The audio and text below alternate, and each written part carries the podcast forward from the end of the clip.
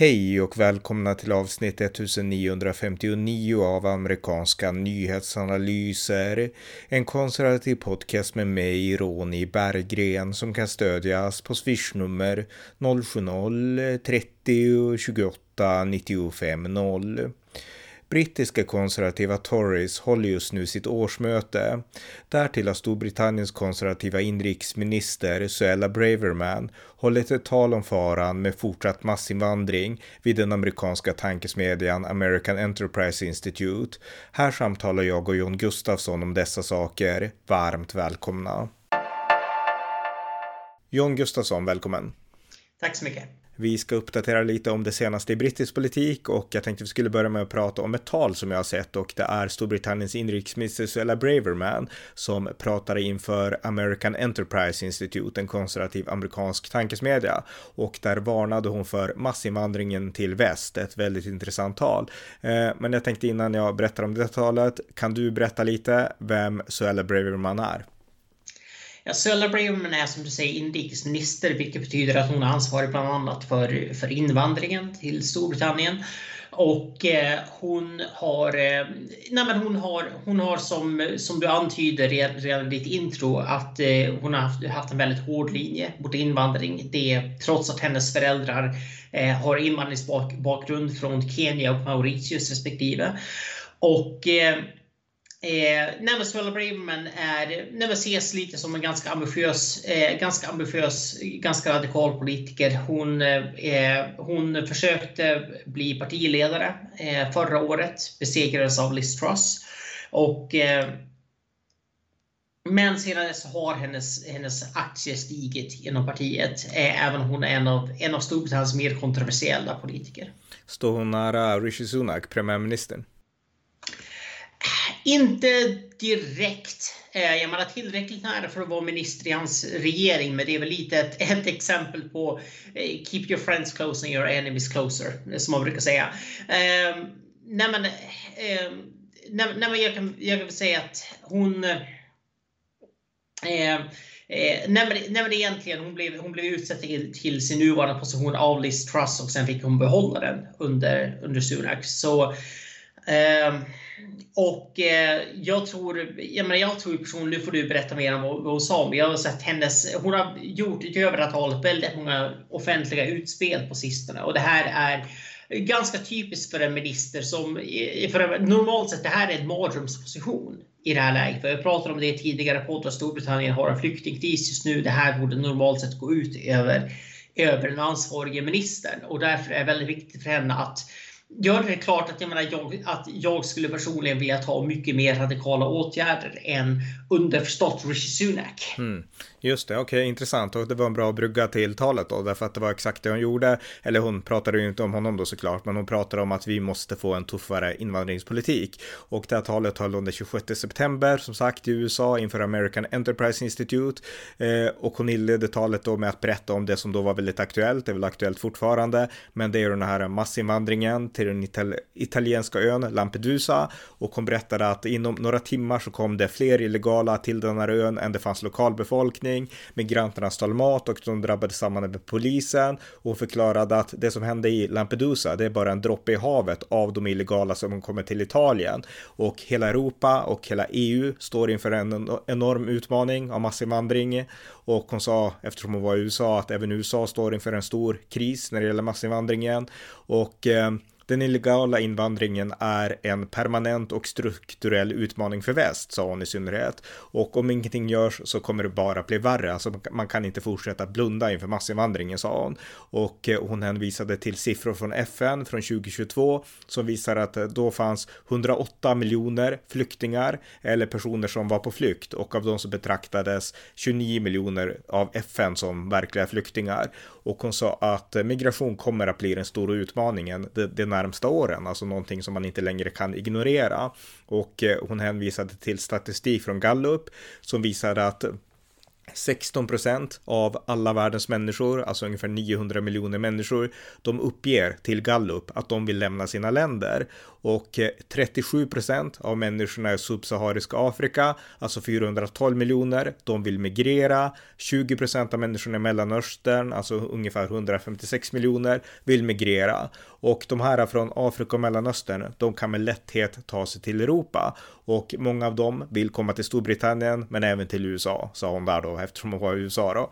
Eh, och hon sa att det jag finns... tror inte att det är så många som vill komma till USA. Jag förstår varför de formulerat sig så, Exakt, men jag håller med om USAs, USAs invandring från Afrika ligger på typ 1000 pers per år. Ja. Bokstavligen. Exakt, det var någonting att, jag menar, alltså man märkte när man såg talet att hon bakade in USA och hon nämnde New York och sådana saker. Alltså för att hon var i USA, det var ganska tydligt när man lyssnade på talet. Men hennes fokus var Europa och framförallt Storbritannien, så att det där var nog bara en gest till, till USA. Och sen har de sin egen debatt om liksom Mexiko och så såklart då. Men, men jag håller med om det. Men sen sa hon då också att, eh, så att här har vi ett problem, det var kontentan då det hon sa. Men det finns ändå de som förespråkar massinvandring och tycker att massinvandring är bra och inte ser några problem. Men de måste man bemöta och hon hade fyra motargument mot de som förespråkade eller på något sätt ignorerade den här okontrollerade massinvandringen. Eh, det första argumentet hade med samhället att göra, det civic argument och hon menade då att nationalstaten är en av civilisationens viktigaste institutioner och nationalstaten ger eh, dess medborgare oavsett etnisk bakgrund en gemensam grund, en gemensam idé, en gemensam grund grund att stå på och eh, det skapar patriotism. Och eh, Patriotismen i sig skapar drivkraft hos människor. Dels så driver det människor till heroism, att man gör saker för nationen eller för sitt folk. Men det driver också människor till medmänsklighet. Därför att om du lever i samhälle som är trygga och bra så får du en styrka att själv kunna visa medmänsklighet mot andra som inte har det lika bra. Och det är, man kanske inte tänker på det, men nationen är grunden till mycket av det medmänskliga, förklarade hon. Och en nation eh, inkluderar ju alla inom sina egna specifika gränser i allt ifrån sjukvård till liksom det som nationen har att erbjuda. Och om en nation expanderar för mycket, antingen genom landvinningar, kanske inte så aktuellt nu, men genom massinvandring, då ut, eh, liksom utarmas liksom idén med nationen och då försvinner, för, försvinner själva poängen med nationalstater, sa hon. Och eh, okontrollerad immigration, det gör det också svårare med integration och Eh, Eh, det kan man se över hela Europa. Hon nämnde då till exempel städer som Malmö där liksom multikulturalismen har skapat parallellsamhällen och eh, det har misslyckats. Och eh, vi kan spela ett klipp här. Det här är ett klipp då med Suella Braverman. Uncontrolled immigration, inadequate integration and a misguided dogma of multiculturalism have proven a toxic combination for Europe over the last few decades. Multiculturalism makes no demands of the incomer to integrate. It has failed because it allowed people to come to our society and live parallel lives in it.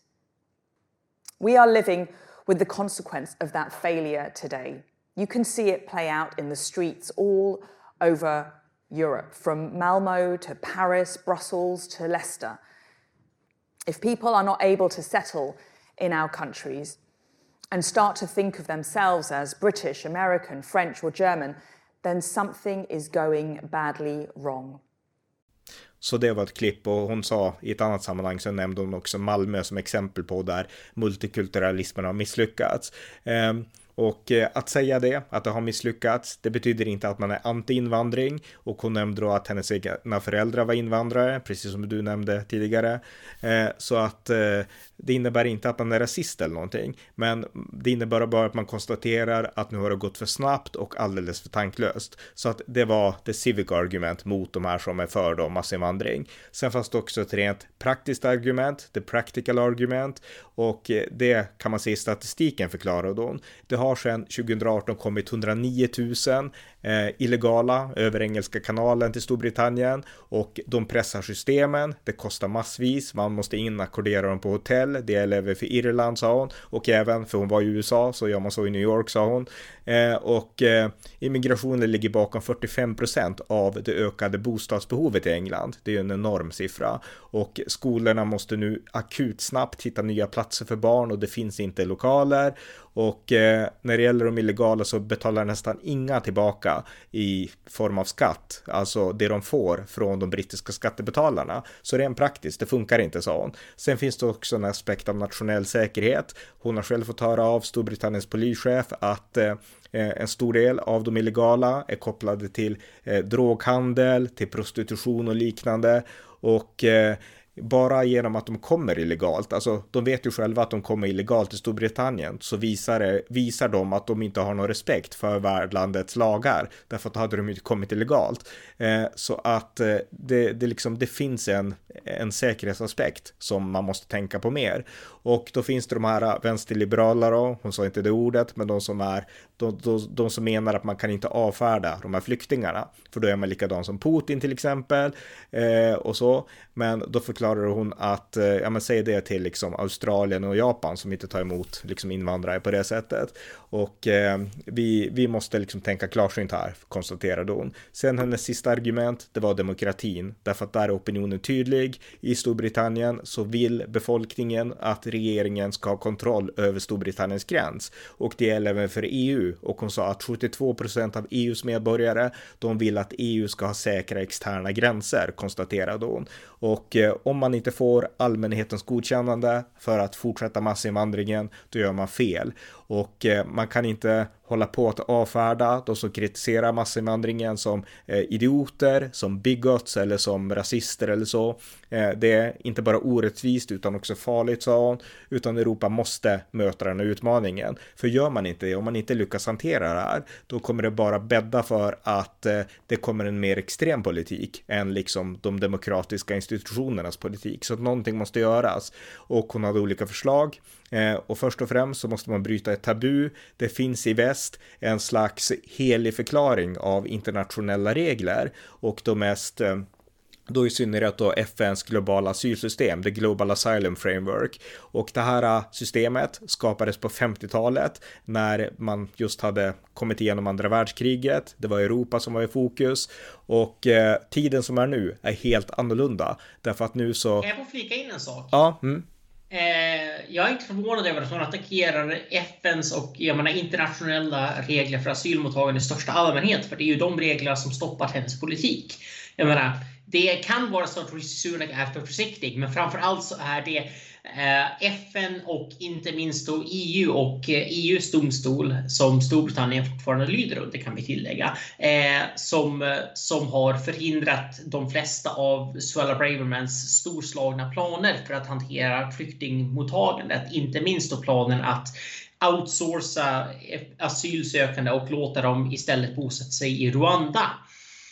Mm. Eh, så, eh, så det är därför den planen inte har blivit av. Storbritannien eh, hade ett avtal med Rwanda om att Rwanda skulle ta emot asylsökande från Storbritannien. Rwanda är ett säkert, relativt framgångsrikt land i Afrika. Eh, givetvis inte, de kan givetvis inte erbjuda en västerländsk levnadsstandard, vilket är vad många asylsökande är ute efter. Men, eh, men det är som sagt, om du bara är ute efter en trygg plats att bo på så funkar Rwanda lika bra som Storbritannien. Det är eh, så, så det, och det skulle dessutom kosta mycket, mycket mindre för Storbritannien och avskräcka de ekonomiska eh, migranterna. Mm. Så skilja agnarna från vetet, om man säger så.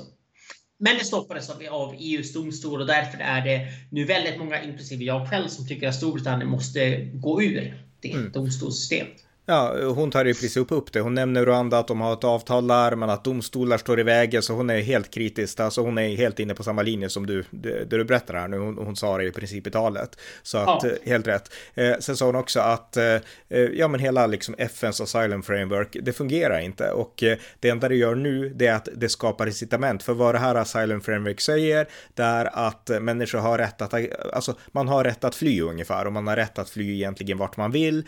Eh, och den idén kommer från andra världskriget och då fanns det inte masskom, dels så fanns det inte liksom transportmedel med flygplan för allmänheten på det sätt det finns nu och därtill fanns det inte internet så att folk i Afrika, de visste ingenting om Europa så det fanns inte något naturligt tryck, även om det var fattigare, det var värre och det var mer nöd så fanns det ingen möjlighet och ingen förståelse för den här massinvandringen som har kommit till stånd de senaste årtiondena. Så att det här systemet är inte skapat för den värld som finns idag, sa hon. Och eh, det enda det gör är att det skapar incitament för människor att komma illegalt till Europa till exempel. Och hon berättade att enligt FN så har det ungefär 50 000 människor försökt fly över, om det var över Medelhavet, eller ungefär 25 000 sedan 2014 och många har dött och så.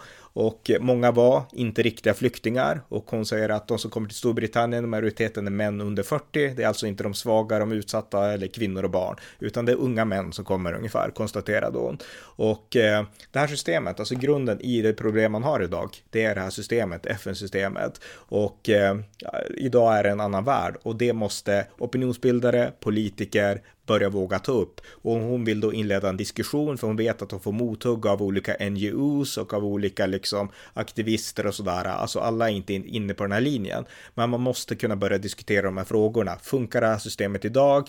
Eh, eh, hur ska liksom ett nytt FNs asylsystem kunna se ut och hur ska man definiera begreppet flykting i det 21 århundradet? Det är frågor som man måste våga diskutera. Så att det var kontentan av hennes tal. Så att jag menar, det här var ju ett väldigt, för att vara en politiker, jag menar sådana som du och jag och eh, folk i allmänhet, de vill ju se den här politiken, men politikerna är ju långt efter, de laggar totalt. Så att jag menar, här har vi en politiker som verkligen ställer sig i spetsen för de här frågorna som ändå det finns ett tryck underifrån att driva, skulle jag säga. Ja, ja men definitivt. Och det är också det, jag menar, det är både politiskt smart av eh, Braverman eh, och det är också, eh, och det här kommer bli ett genomgående tema kan man säga i den här podden. Det här är en sån politik där de konservativa har en fördel gentemot vänstern, gentemot Labour.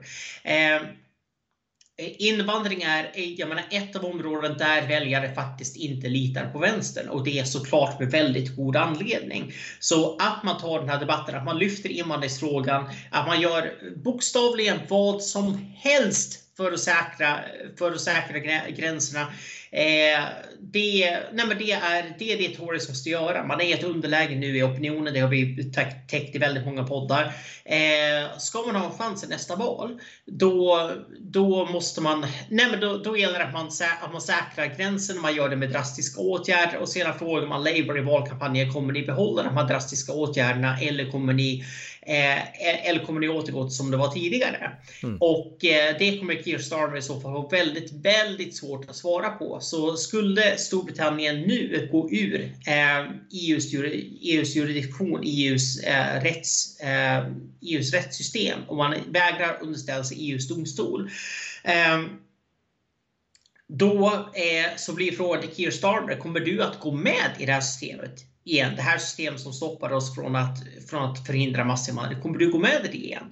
För om Keir Starmer, och då hamnar Keir Starmer i ett, i ett Keir Starmer alltså Labours, social, eh, Storbritanniens socialdemokratiska partiledare, då hamnar Keir Starmer i ett uh, nästan omöjligt läge. Svara ja på den frågan och det kommer inte bli populärt bland väljare kan jag tala om. Svara nej på den frågan. Och eh, jag kan ju säga så här, all framtida integration med EU som Keir Starmer ändå vill se. Han vill se ett tätare samarbete mellan Storbritannien och EU. Allt sånt samarbete kommer vara villkorat på att Storbritannien är underställda till European Court of Human Rights. Det finns inte på, inte på kartan att EU skulle kunna, skulle kunna gå med på något annat. Mm.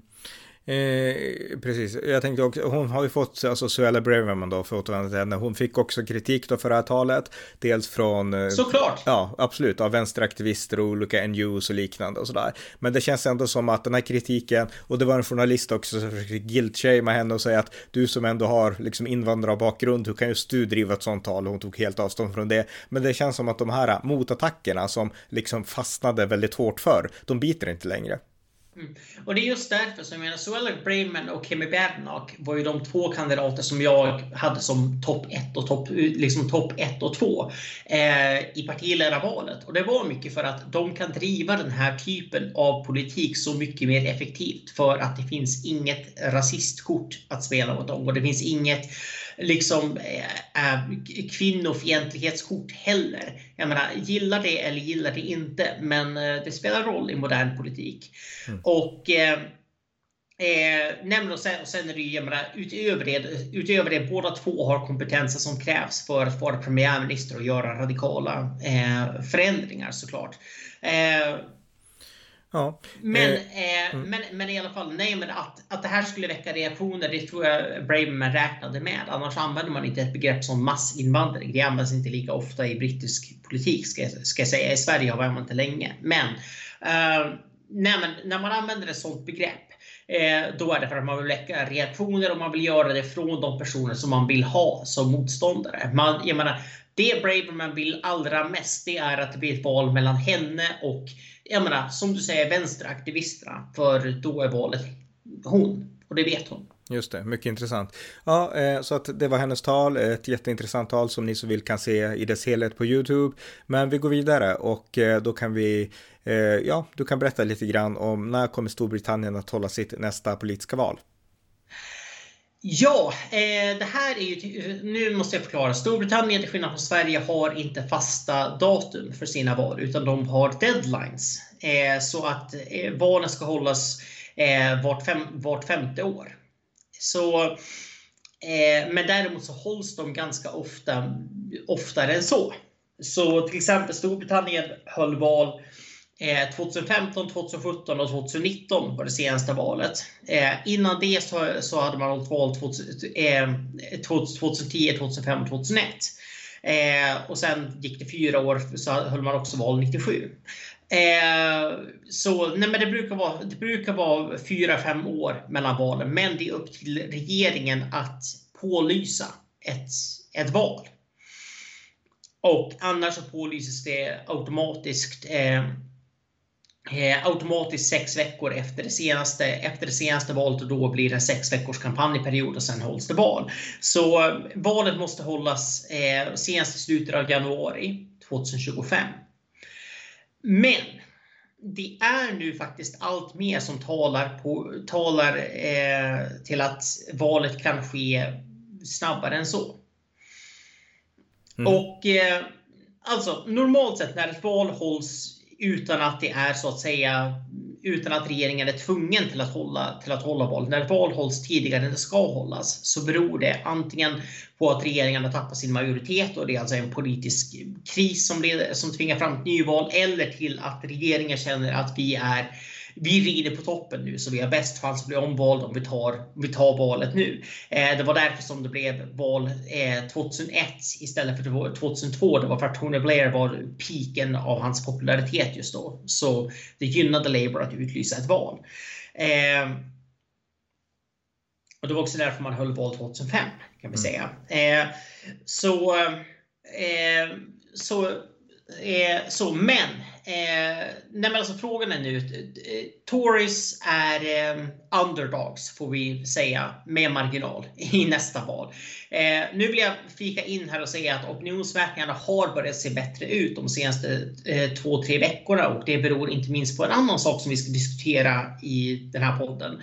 Men, eh, men ändå det är ett stort försprång att hämta in. Och då är mitt tänkande har alltid varit att man kommer vänta till januari eh, 2025 för att man vill ha så mycket tid på sig som möjligt att bygga ett nytt narrativ, att eh, bygga bygga upp sin kampanjapparat ordentligt. Man vill ha tid för inflationen som är på väg ner men fortfarande är hög. Man vill ge, ge det tid att funka tillbaka så att, ja, så att det verkligen ser ut som landet har vänt blad. Så att mm. säga. Och man har ju dessutom ett problem med att det pågår strejker just nu och det vet inte hur länge de kommer kunna pågå. De kommer inte kunna pågå i all evighet men, eh, men, men alltså det, finns, det finns kris på arbetsmarknaden får vi ändå säga. Mm. Så, eh, så mitt tänkande alltid varit vänta till januari 2025. Det, är dock, eh, det har dock påpekats att gör man det så kommer kampanjperioden att vara över jul mm. och nyår. Och eh, där finns det två problem. Ett, eh, det är väldigt svårt att få volontärer att ställa upp att kampanja på julhelgen. Eller kampanja när man hellre vill julshoppa eller bara ta det lugnt så att säga. Jag har något minne av att vi har gjort en podd, det var ju många, många år sedan, men då var det just en kampanj över julen och du berättade att alla studenter hade åkt hem så det fanns inga som kunde gå ut med liksom, jag minns inte vilket val, det här var jättelänge sedan, men jag minns att det var något sånt val vi pratade om en gång.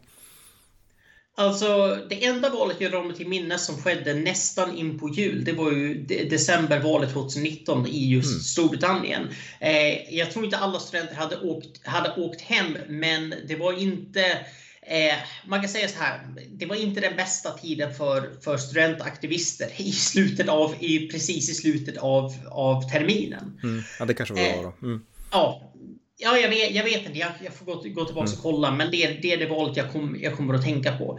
Hur som helst, eh, så, så eh, Eh, så det, kan, det kanske inte är jättesmart. Dels som sagt, eh, det är svårt att få volontärer som kan gå runt och knacka dörr och det är så man kampanjar i Storbritannien och Irland. Det är genom att knacka dörr. Det är inte genom att ställa upp valstugor som vi gör i Sverige. Eh, så det kan vara svårt. Det andra är att folk vill inte ha kampanjbesök mitt i julfriden heller. Eh, så även om du får volontärer så kommer det bli mm, ja, kanske ett lite svalare mottagande. Och eh, sen finns det också, ja, det finns också en tre, ett tredje skäl för eh, att inte vänta så länge och det är att det framstår som lite desperat. Eh, att vänta till absolut sista sekund för att man är rädd för, för folkets, folkets dom. Det framstår lite grann så. Eh, vi ska även säga att det var något som, eh, som eh, var bidragande, eh, bidragande black om foten för John Mayer i valet 1997, för då väntade man så länge man bara kunde i princip. Och eh, men, eh, men utöver det så, eh, så, så då är frågan, då är frågan okej, okay, så, eh, så hösten skulle kunna vara, vara intressant. Man ger det här i alla fall ett år, ett år till ungefär. Eh, alltså men, nästa hö hösten 2024 då?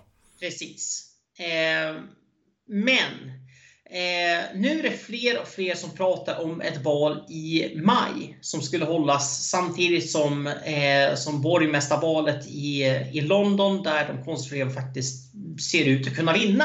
Vilket är oväntat. Men eh, och tillsammans med några andra viktiga lokalval som kan vara bra för de konservativas valdeltagande. Eh, för det man tänker det är att de konservativa på lokal nivå är mer populära än de konservativa på riksnivå. Så kan man, få, kan man lägga valet samtidigt som lokalval så kan folk som kanske bara skulle gått ut och röstat på sin lokala liksom, kommunfullmäktige politiker, de kan, då kan man få ut till valurnorna så att de är, och då passar de på att rösta på, på de konservativa i det offentliga, det allmänna valet också. Mm. Och eh, ja, intressant strategi. Men hur, hur troligt är det då att det blir ett val redan? För det, det, det är ju en intressant nyhet där i så fall om det verkligen skulle bli så att det hålls val i Storbritannien redan till våren. Ja, det är ju minst sagt en intressant, en intressant nyhet. Eh, och eh, ja, jag är, eh, jag är inte helt säker. Jag tycker fortfarande att, att eh, och nu tänker jag väl kanske mer som nationalekonom än någonting annat. Men jag tror att Storbritanniens ekonomi kommer, ha, eh, kommer behöva mer tid. Inte minst för att få ner inflationen. Och jag tror att även om väljarnas minne är kort så är det inte tillräckligt kort. Men samtidigt måste jag säga att jag menar, när jag först hörde den här idén så tyckte jag att det var totalt galenskap. Nu tycker jag bara att det är lite för riskabelt. Mm. Så jag tycker att det finns några bra argument som de där lokalvalen och att man tänker att Labour eh, gynnas också och kanske gynnas mer egentligen av att man fördröjer valet så länge som möjligt. Men när får vi veta så något konkret om det här då? Ja, om det blir val i maj så får vi veta det i mars. Mm. För att Storbritanniens valperiod är traditionellt sett bara sex veckor. Eh, man kan tillkännage det tidigare än så, men, eh, nej, men troligtvis. För att fördelen som jag var på väg att gå in på, fördelen med att hålla det i maj, det är att Labourpartiet får mindre tid att organisera sig. För att eh, även om Labour leder så visar ju alla mätningar att det här är för att de konservativa är mer impopulära än Labour. Det är inte att Labourpartiet jag menar, Keir Starmer är ingen Tony Blair. Han är ingen som nationer har, för, har förälskat sig i. Nej. Och det gjorde man verkligen i Tony Blair. Alltså, var... jag, jag, jag, måste ändå säga, alltså, ta ett land som ändå haft alltså, rejäla ledare som har lett civilisationer. Churchill, Margaret Thatcher och jag menar Tony Blair, okej okay, ingen sån, men han var ändå han var en ledare vad man än tycker om hans socialdemokrati liksom. Och sen har vi sådana här personligheter som är bara konstiga. Jag menar, dels eh, liksom, vad heter han, Jeremy, alltså den här vänsterledaren för... Jeremy Corbyn. Precis, Jeremy Corbyn och nu Keir Starmer som är på något sätt, jag menar han är ju en tönt. liksom, jag menar, hur, hur, lyckas man gå från det ena till det andra liksom? Jag menar, de konservativa har ju ändå inte haft så katastrofala ledare, utan det är ju sossarna. Ja, när ska man hitta någon konservativ ledare som var en total katastrof, då får vi gå tillbaka till typ 70-talet. Mm. Ja, ja men det, då, då var det en serie dåliga innan Thatcher tog över. Men, mm. eh, men, det, men det är typ så långt vi får, vi får gå tillbaka. Sen dess så har, jag menar, det har varit vissa kortlivade, vissa mer, min, mindre bra, men inga liksom totala töntar. och det är det som är också grejen, för att det som Rishi Sunak har att hoppas på, det är att eh, kort sagt att Keir Starmer ska visa sig vara en Ron DeSantis. Det vill säga en politiker som är bra på pappret och helt värdelös när det kommer till att bli allvar i en kampanj. Mm. Ron DeSantis, eh, för er som inte följer det amerikanska primärvalet, så är han en presidentkandidat för Republikanernas sida som var tippad som den absolut eh, mest framträdande kandidaten att kunna slå Donald Trump. Eh, och det höll ungefär tills han öppnade munnen. Mm. Och eh, eh, Eh, här påminner mig om eh, Justin White som vi har haft på den här podden. Han sa, och det här framstår som lite profetiskt just nu, han sa redan för över ett år sedan till mig att det finns två, så, det finns två typer av människor. Eh, människor som tror att Ron DeSantis kan bli president och människor som har hört Ron DeSantis prata.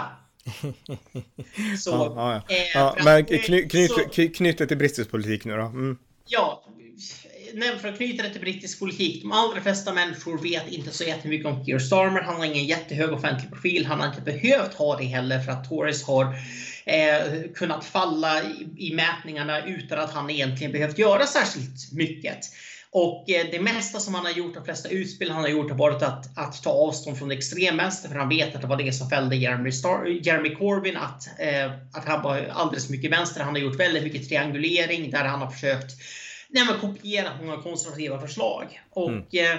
eh, och eh, Eh, och sen även som jag tror att vi tog upp i förra, förra eller förra, podd, podden om det här att eh, han har även sagt att han kommer inte ta Storbritannien tillbaka in i EU. Eh, får väl se om han håller i det löftet. Men mm. Nej men alltså, Keir Starmer är en otroligt försiktig politiker och han är i grund och botten ingen bra debattör heller. Nej. Om vi knyter tillbaks till, alltså det här var ett sidospår, men till just det här, men om, om du avrundar det här med nästa val då liksom. Finns det något mer att säga om det? Det som finns att säga det är eh, maj 2024, eh, oktober 2024 eller januari 2025 kan man väl säga sammanfattning, sammanfattningsvis. Eh, ingen vill ha val i mitten av sommaren, ingen vill ha en valkampanj över, över jul eh, och det är därför som det framstår som mindre och mindre sannolikt. Så eh, våren eller hösten 2024 känns, eh, känns som det mest, det, det mest troliga just nu. Mycket intressant och då går vi vidare till nästa punkt här och det är att Tories, de håller just nu ett årsmöte, sitt partimöte då och eh, det hålls mellan den 1 oktober och 4 oktober och idag så är det den tredje, eller just nu i alla fall, det har ju nyss bytt, bytt datum här i Sverige då. Så att eh, har du hängt med något i vad som hänt de här första dagarna på Tories årsmöte? Eh, mötet går ganska bra så här långt. Eh, en, en person som har stått ut är Jeremy Hunt som är Storbritanniens finansminister. Och eh, han höll ett eh, ganska uppmärksammat, eh, ett ganska uppmärksammat tal där han, nej men det lät nästan, och det här måste jag säga, det här var mitt intryck av Suella Bravermans tal också, att det låter lite grann som ett tal som är ämnat för att bli partiledare. för att som sagt, det mest troliga det är att Tories tappar makten nästa år. Tyvärr. Jag vill inte att det ska hända. Jag hoppas att det inte händer. Men jag, jag inser att nämen, eh, så, så det är det mest sannolika, tyvärr. Eh, och då kommer Rishi Sunak troligtvis att bli ersatt som partiledare. Och eh, då är frågan, vem blir nästa partiledare? Och eh, Jeremy Hunt är Eh, så det finns alltså fyra om man säger, favoriter och tre av dem i synnerhet. Och de tre ledande kandidaterna det är eh, Kemi, Kemi Badenoch, Jeremy Hunt och Penny Mordaunt. De är alltså 1, 2 och 3 om vi ska gå på, på oddsen. Eh, och eh, sen fyra är Suella Braverman. Mm. Så det här lät väldigt mycket som ett tal, inte bara för att försvara det regeringen gör och kommer att göra, utan också som lite, lands, ja, men lite, lite som Braverman, man ska höja sin egen profil, man ska differentiera sig lite grann från regeringen. Så, eh, nej men det, det, det, första det var att man, det var att han lanserade en ambition om att skära ner på statsapparaten eh, till 2019 års nivåer, alltså innan pandemin fick eh, tjänstemannaapparaten att fullkomligt explodera. Så Storbritannien har eh, tiotusentals fler statstjänstemän nu än man hade, än man hade före, före pandemin. Och eh, Eh, och nu menade eh, Jeremy Hunt att nu måste vi se till så att, så att vi krymper tillbaka den stats, statsapparaten till den storleken. Pandemin kan inte tillåtas bli en, en, en ursäkt för permanent eh, förstoring av staten. Det visste jag inte, att det, att det var en av konsekvenserna av pandemin. Ja, nej, men det krävdes många fler. Jag, menar, jag skulle säga att det var, det var rättfärdigt. Men statsapparaten växer alltid under nationella kriser. Det är bara det att den måste krypa tillbaka efter kriserna. Eh, skulle säga även alla liksom, större krig, andra världskriget, såg en extremt stor tillväxt i byråkrati på alla områden i princip. Men eh, sen är det det att det, det kan man tolerera så länge det finns mekanismer för att krympa tillbaka apparaten efteråt. Mm. Eh, och, eh, och ett första steg mot det här det är att regeringen inför vad man kallar för en, en one in, one out regel. Som det innebär att varje gång en ny statstjänsteman anställs så måste en avskedas. Så eh, eh jag är inte hundra om det måste vara en tjänsteman från samma departement. Jag antar att det inte måste vara det, för det skulle bli lite ohållbart, kort sagt. Men Eh, Eh, men det gör att det totala, totala antalet eh, tjänstemän anställda av staten blir konstant. I alla fall det fryser i antalet. Eh, han pratar också om att man måste minska pappersarbetet för lärare och för poliser. Och det här tror jag är, alltså kan man få någonting på plats, en konkret jag menar, ett konkret förslag, en konkret åtgärd, någonting alls som minskar pappersarbetet så kommer man att kunna öka Eh, öka sitt stöd bland offentliganställda. För att Nej men alltså lärare spenderar ibland lika mycket tid på pappersarbete som de gör på att vara lärare. Samma gäller för poliser, detsamma gäller för läkare. Det är, liksom, det, är det, mest, det, är, det är ofta den mest frustrerande delen av arbetet. Så kan man bara, kan man bara antingen bara anställa administratörer eller man kan eh, avskaffa en del av de onödiga bitarna eller för, förenkla en del, alltså vad, vad, som helst, men det skulle leda till en omedelbar effektivitetsökning i den offentliga sektorn. Jag, jag kan ju bara skjuta in jag menar jag jobbar inom vården som du vet, jag menar där är det, jag ska inte överdriva, men alltså det blir mer och mer, alltså man måste bokföra allt, man måste skriva in olika system, alltså små saker, alltså, eh, alltså det är ju inte papper man arbetar med, men man kan ändå säga pappersarbete liksom ändå för, för termens skull. Ja. Så att jag menar, även jag har sett att, att sånt ökar, så det gäller säkert i Sverige också. Eh, ja, jag, menar, jag har ju också jag har ju pappa, som, pappa som är läkare också berättat om det här och hur mycket tid som går åt bara till att tjafsa med Försäkringskassan i mm. synnerhet. Mm. Ja. Så eh, så sen, eh, sen, la jag, sen la jag fram bidragsreform eh, som ska innebära att mängden bidrag du får ska eh, baseras på hur många jobb du söker. Och man ska kunna få indragna bidrag om man, eh, eller indragna eller nedsatta bidrag om man inte dyker upp till jobbintervjuer eller man inte dyker upp till jobbcoachning. Det här är saker vi redan har i Sverige, i princip. men eh, inte Storbritannien. Och eh, det förvånar mig lite grann för att, eh, nej men okej, okay, bidragsnivåerna är lägre i Storbritannien, men eh, det är ändå, nej men det nuvarande systemet är ganska villkorslöst. Så att de har, de har slappare alltså bidragssystem än vi har i Sverige alltså? Eh, åtminstone, på, åtminstone för arbetslösa, inte för de som är, eh, inte för de som är sjuka, där är det väldigt hårda kontroller. Men mm. Eh, men det är slappare kontroller att du faktiskt ska vara aktivt arbetssökande. Så, eh, och eh, när man han föreslår någon sorts graderat system, alltså att du har jag menar, som jag förstår det ungefär att du har en maxnivå som du kan få i bidrag men då måste du ha sökt väldigt många jobb och sen har du sökt Har du sökt jobb men inte så många så kan du få en lägre nivå och så vidare. Så att det finns en Nej men det finns, det finns incitament till att vara verkligen aktivt jobbsökande. Och eh, ja, nej men det, nej men det, det, det är ett bra förslag. Mm. Och, eh, och det här är väldigt viktigt för det man märker nu i, eh, och det här kommer vi prata mer om på nästa, nästa eller om det näst, nästa punkt också. Eh, det, det är att de konservativa börjar komma fram med förslag nu som Labour inte kan kopiera. En bidragsreform kan Labour inte kopiera för att eh, uh, typ halva deras väljarbas är ju bidragsberoende tra äh, trask. så Eh, så nej men. Nu vill jag bara skjuta in en mjukare sak. Alltså, vi har inget emot människor som lever på bidrag, även om vi inte tror på det jag politiskt. På, mm. Jag går på a-kassa. Mm. Det är lugnt. Bra. det, ja.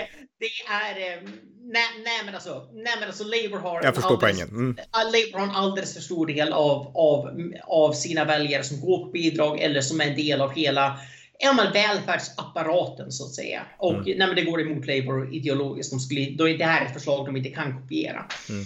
Nej, precis. Och, eh, eh, och ändå så är det här förslaget väldigt rimligt. Det är inte en bidragssänkning utan det är helt enkelt bara en, nej men det är ett, krav. Helt enkelt. Så mm. nej men det är något du kan sälja in hos väljarna. Mm. Eh, sen även, jag menar Suella Braverman, som sagt, Labour har alldeles för många invandrarväljare för att de ska kunna kopiera något av det där även om de vill. Vi har ju redan sett Eh, vi gjorde en podd nyligen om Keir Starmer och hans försök att föreslå en invandringsreform och den invandringsreformen gick ut på att eh, om, om EU hjälper oss att stoppa, eh, att stoppa eh, den båtflyktinginvandringen som alltså sker från Frankrike till Storbritannien, det är från Frankrike som, som folk åker båt. Mm. Eh, om EU hjälp, hjälper, oss, hjälper oss med det så kommer vi i utbyte ta en proportionerlig del av de flyktingar som kommer till EU.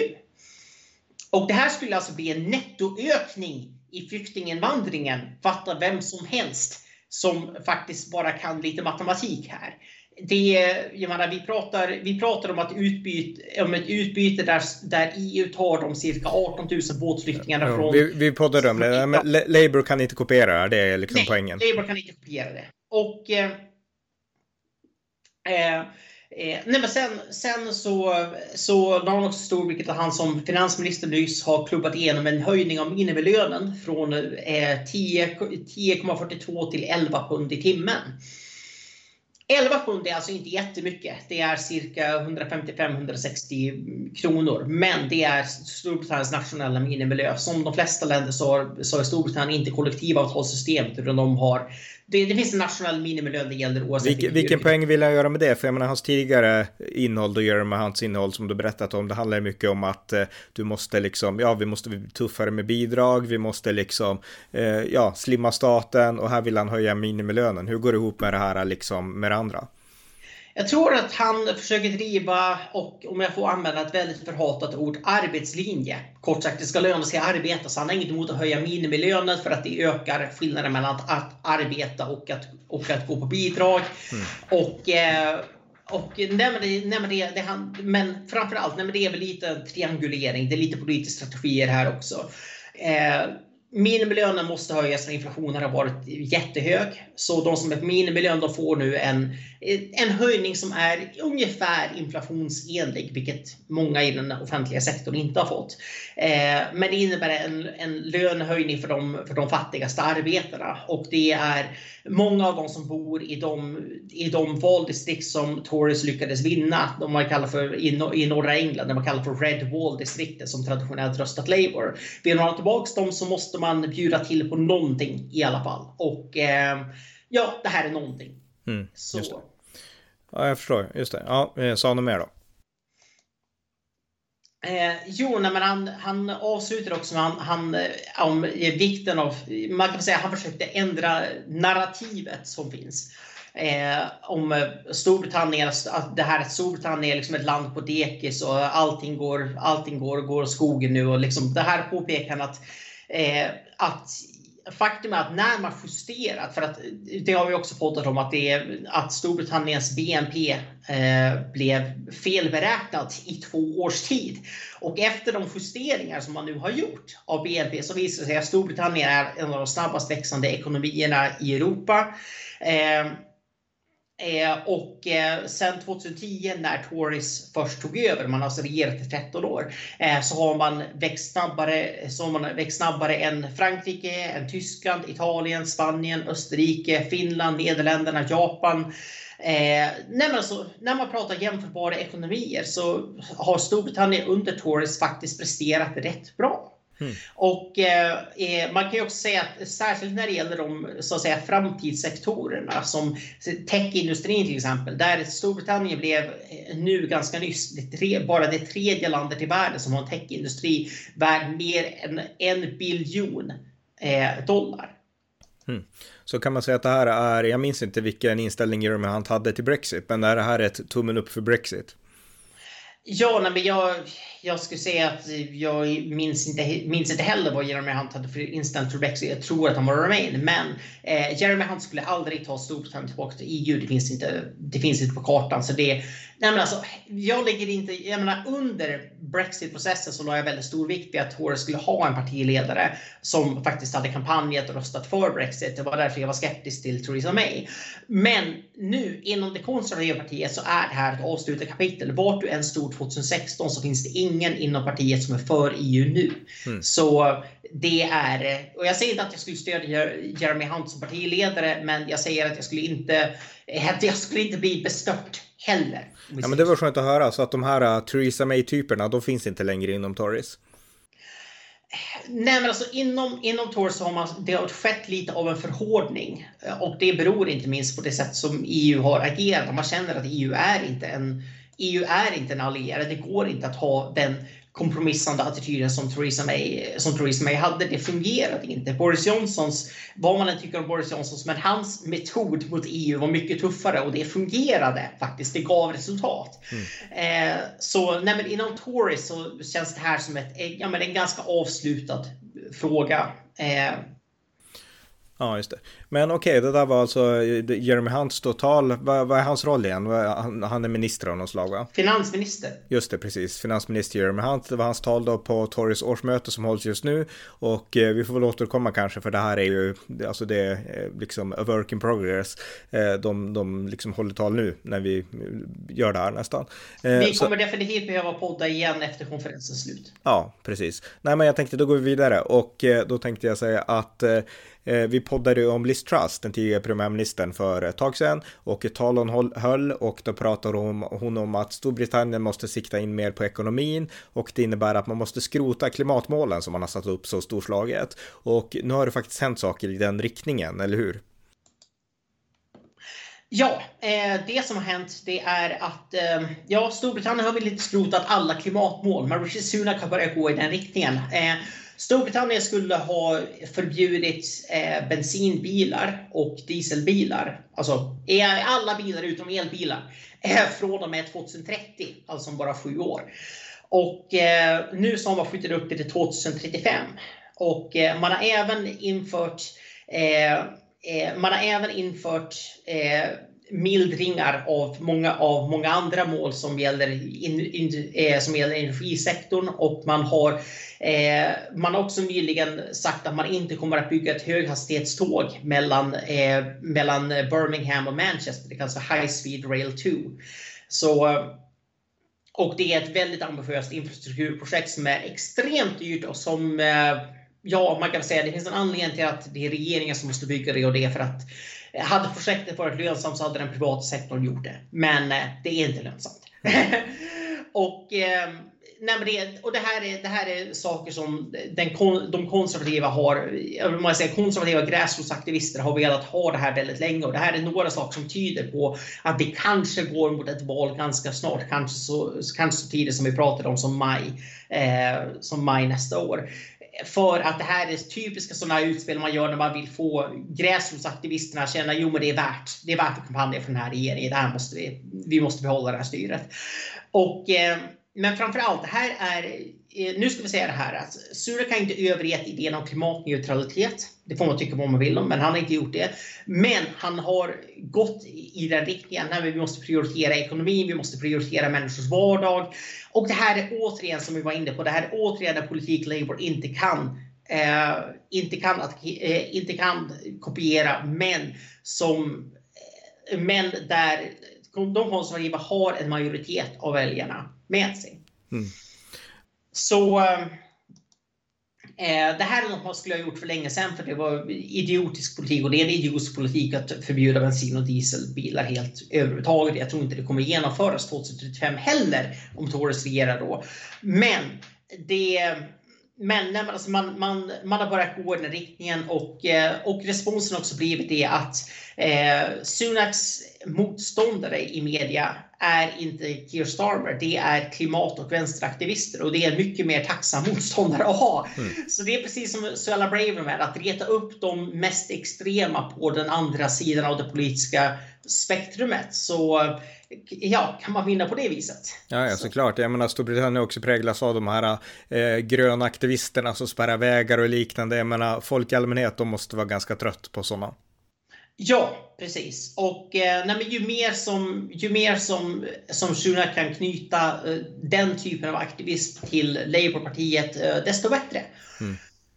Ja, intressant. Eh, som sista punkt då så tänkte jag att eh, vi var inne på EU och du sa att Tories, de har nu, där finns det inget motstånd längre till Brexit utan alla har slut, alltså vad man än tänkte 2016 så nu så står man fast vid att Brexit är rätt ungefär, vi kommer att gå vidare utan EU. Men det finns fortfarande en svag, ska sägas, men likväl existerande eh, rörelse i Storbritannien som vill återansluta till EU och eh, det hölls en rejoin-marsch i London nyligen. Kan du berätta lite om den?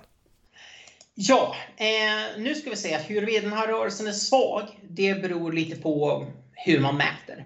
Eh, går man på opinionsmätningarna så finns det mycket riktigt en stark majoritet som vill gå med i EU igen. Men det finns en viktig detalj i de här mätningarna och det är att när man, när man ställer frågan skulle det gå med i EU om och sedan listar villkoren för att gå med i EU så gäller inte det längre. Så på frågan, vill du gå med i EU? Ja, det är någonstans, det är någonstans 55 till 60 procent som svarar ja på det. Vill du gå med i EU om det in, innebär att Storbritannien måste införa euron som valuta, då faller stödet för EU till 25 procent. Okej. Okay. Och nu är det ju så att, att införa euron som valuta är ett krav om du vill gå med i EU. Eh, Sverige gick med i EU innan det var ett krav, och, eh, men, eh, men nämligen så Storbritannien, precis som alla andra nya, nya medlemsländer, skulle behöva göra det. Och eh, sen är det också det att skulle Storbritannien gå med i EU igen så kommer man inte att få rabatt på, medlem, på medlemskapsavgiften. Eh, vi ska ju säga det att jag menar, trots att jag, menar, jag är helt för Brexit, men Storbritanniens medlemskap var ganska förmånligt. Eh, på det viset att man hade, eh, dels behövde inte gå med i euron, behövde inte vara med i Schengen. Eh, och och man fick eh, typ en tredjedels rabatt. Men, men då vill jag skjuta in en sak här då, bara för att jag menar, här i Sverige så har vi ju nästan alla politiker eh, från alla partier utom kanske Sverigedemokraterna. De har ganska så här undriven inställning mot EU. Jag menar, EU säger, EU gör det eller det diktatet, då måste vi lyda. Och då måste man lyda bara för att det är EU som säger så. Och jag menar, de som får betala priset för det, det är allmän befolkning i Sverige eh, och det är liksom svenska skattebetalare. Men Storbritannien visar att okej, okay, EU, gör ni ni så så skiter vi det eller vi vill ha det här och så. Jag menar, eh, Storbritannien visade verkligen även när de var medlemmar att man kan sätta emot EU om man vill. Ja, och eh, det var ju mycket därför som jag menar, svenska politiker var emot Brexit. Inte bara för att de politikerna är för EU, utan för att de visste att med Storbritannien ut ur EU så tappar vi den viktigaste allierade vi har när det gäller att stoppa den. För att Sverige och Storbritannien röstade nästan alltid lika i EU. Eh, Sverige var generellt sett emot centralisering. Eh, Storbritannien var också emot centralisering. Och det var ofta Storbritannien som gjorde grovjobbet i att minska EUs centralisering och EUs byråkratitillväxt. Mm. Så Nej men alltså det här att man hade sånt förmånligt medlemskap, det hade man inte när man gick med. Men det var något man förhandlade till sig. Det var eftergifter som de konservativa regeringarna krävde av EU. Och eh, Margaret Thatcher var ju väldigt tydlig, tydlig i synnerhet. Det var hon som fick till den här medlemskapsavgiftsrabatten som Storbritannien hade. För att man sa att, alltså argumentet det var att en väldigt stor del, idag ungefär hälften, jag tror det var ännu mer på den tiden. En väldigt stor del av EUs budget går till jordbrukssubventioner. Men anledningen till att, jord, till att Eh, till att EU behöver jordbrukssubventioner, det är att Frankrikes jordbruk och hela Frankrikes statsapparat är så fullkomligt ineffektiv. Och, eh, det är, och eh, vi ska inte betala massa extra medlemsavgifter bara för att franska bönder behöver en massa subventioner som brittiska bönder inte behöver. Brittiska bönder är tio gånger mer effektiva och tar inte liksom eh, semester, semester i, hundra veckor om året. Liksom. Mm. Det är, Nej men alltså, Frankrike är liksom de eviga strejkernas, de liksom hundra semesterveckornas land. Det är liksom, nej Frankrike är ett, ett, har den, kanske den mest ineffektiva statsapparaten i hela Europa. Och det där menade Thatcher att eh, det där ska inte vi i Storbritannien tvingas betala för, så vi måste få en, en, en motsvarande rabatt mm. på vår medlemsavgift. Och det fick konferensvännerna skriva under på. ja, ja, men det, det, visar ju liksom exakt styrka med, alltså Storbritannien gav verkligen exempel när de, även när de var med i EU. Men det var en sidoparentes där, om, du, om vi återkopplar till denna marschen och... Eh, ja, ja så, mm. så, grej, så, grej, så det jag försökt säga det är att Storbritannien, eh, britterna vill gå med i EU i teorin. Eh, men när det blir frågan, vill du gå med om ni får så här mycket högre medlemsavgift? Vill du gå med om ni måste gå med i Schengen? Vill, ni gå med, vill du gå med om ni måste ta euron som valuta? Då är svaret fortfarande nej. Och det är ju det som gäller i praktiken. Och därför är i praktiken svaret till EU fortfarande nej. Mm. Eh, så ja, eh, nej men alltså det är en sak att förhandla som existerande medlem och en sak att förhandla som ny medlem som försöker tigga sin väg in. Så, så till den här matchen. Så, den här matchen var, eh, det var väldigt mycket spektakel om den innan. Eh, för det här var en demonstration som sagt i London som är den mest EU-vänliga delen. Eh, ja, tillsammans med Skottland då, eh, i, i hela Storbritannien. Och eh, man förväntade sig 100 eh, 000 demonstranter. I slutändan så var det högst 3000 som mm. dök upp. Högst 3000. Och enligt vissa uppgift, till exempel Guardian som är en EU-vänlig vänstertidning, så var det några hundra. Så eh, ja, nej men det var total, total flopp. Mm, ja, ja. ja, men det säger rätt mycket. Och, och var, eh, mm, ja, nej, men det säger rätt mycket. Dels att eh, nej, men Storbritannien har aldrig haft ett varmt förhållande till EU. Man har aldrig haft det här förhållandet att vi tycker om att vara med i EU. Den typen av förhållanden har man i Belgien, i Luxemburg, ja, även till stor del i Frankrike, även om det finns ett EU-motstånd där, där också. Men, eh, nej, alltså, där har man liksom eh, verkligen en, en, en kärlek till, till EU-projektet. Det har aldrig funnits i Storbritannien, utan även de som har varit för EU har, har ju varit det med liksom kvalifikationer. Att jo, men det är ändå bättre att vara med i EU även om det, liksom, det suger. Men det, vi, det vi har gjort det, bara för att göra en parentes till då. Vi har gjort en väldigt lång podd. Jag har inte poddavsnittet i huvudet nu, men där du berättar om EUs historia. Att Storbritannien gick med i EU när Storbritannien verkligen genomled sin största kris sedan andra världskriget egentligen. Ja, när Storbritannien var en identitetskris och... Det blev ett man... slags tvångsäktenskap nästan. Ja, nästan. Eh, så, så, så jag menar, det, det, har aldrig handlat om att man tycker jättemycket om EU. Och, eh, och även nu när jag menar, man förväntar sig så här många demonstranter, man ser i mätningarna att jättemånga britter vill gå med i EU igen. Men det är inte så att britter är så entusiastiska för att gå med i EU att man liksom går man ur huset för att demonstrera för det. Och det här gör också att det här är ingen valvinnande fråga. Jag menar, man kan fråga sig varför skulle Keir Starmer, om mätningarna är så här positiva till EU-medlemskap, varför säger han tydligt att det där med vi kommer inte gå med i EU under mitt, under mitt styre? Jo, för att när man frågar väljare om deras prioriteringar så är det i princip, jag menar, att gå med i EU igen eller ens ha närmare relationer till EU, det hamnar på typ 15-16 plats. Jag menar om ens det, det är några procent av väljarkåren som tycker att det här är viktigt. Eh, och de röstar reda på Labour. Så vad, vad, skulle man det, liksom, det finns inget att vinna på det. Just det. Mm. Så, så jag menar, det finns ett mjukt stöd för EU, men framför allt så kan man säga att det finns en... Jag menar, det finns...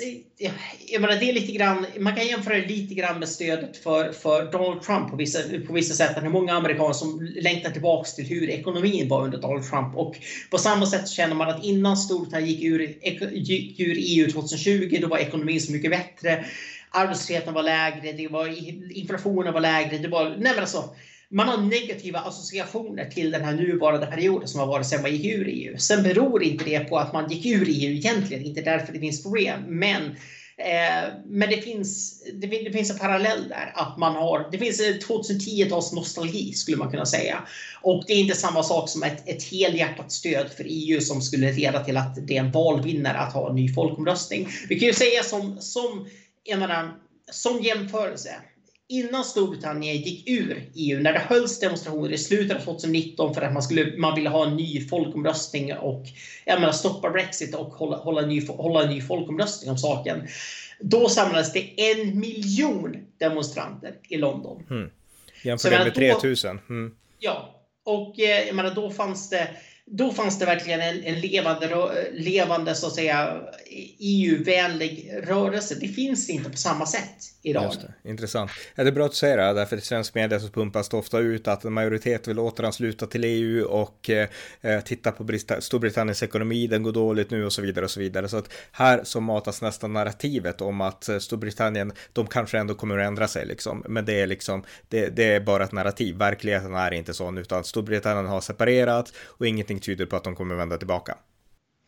Nej, jag menar när du har ett regeringsparti som är helt för Brexit och ett oppositionsparti som i alla fall går till val på att inte, eh, eh inte ändra Brexit, vilket man jag menar, det skulle vara tidernas kampanjsvek om man försökte, om man försökte, nej men det skulle man inte kunna få igenom parlamentet. Kort mm. det, det skulle inte gå. Mm. Eh, och man skulle inte, och jag menar, men de, de allra flesta britter framför allt är ganska trötta på hela frågan. Så det sista de vill ha nu det är en ny folkomröstning och alla sår som det skulle innebära. Mm. Ja, bra. Men möjligtvis får vi se ett parlamentsval nästa år. Men okej, okay, då har vi gjort en uppdatering om det här så tack så mycket John. Tack själv. Tack för att ni har lyssnat på amerikanska nyhetsanalyser. En konservativ podcast som kan stödjas på swishnummer 070-30 28 95 0 eller via hemsidan på Paypal, Patreon eller bankkonto. Skänk också gärna en donation till valfri Ukraina-insamling. Tack igen för att ni har lyssnat. thank you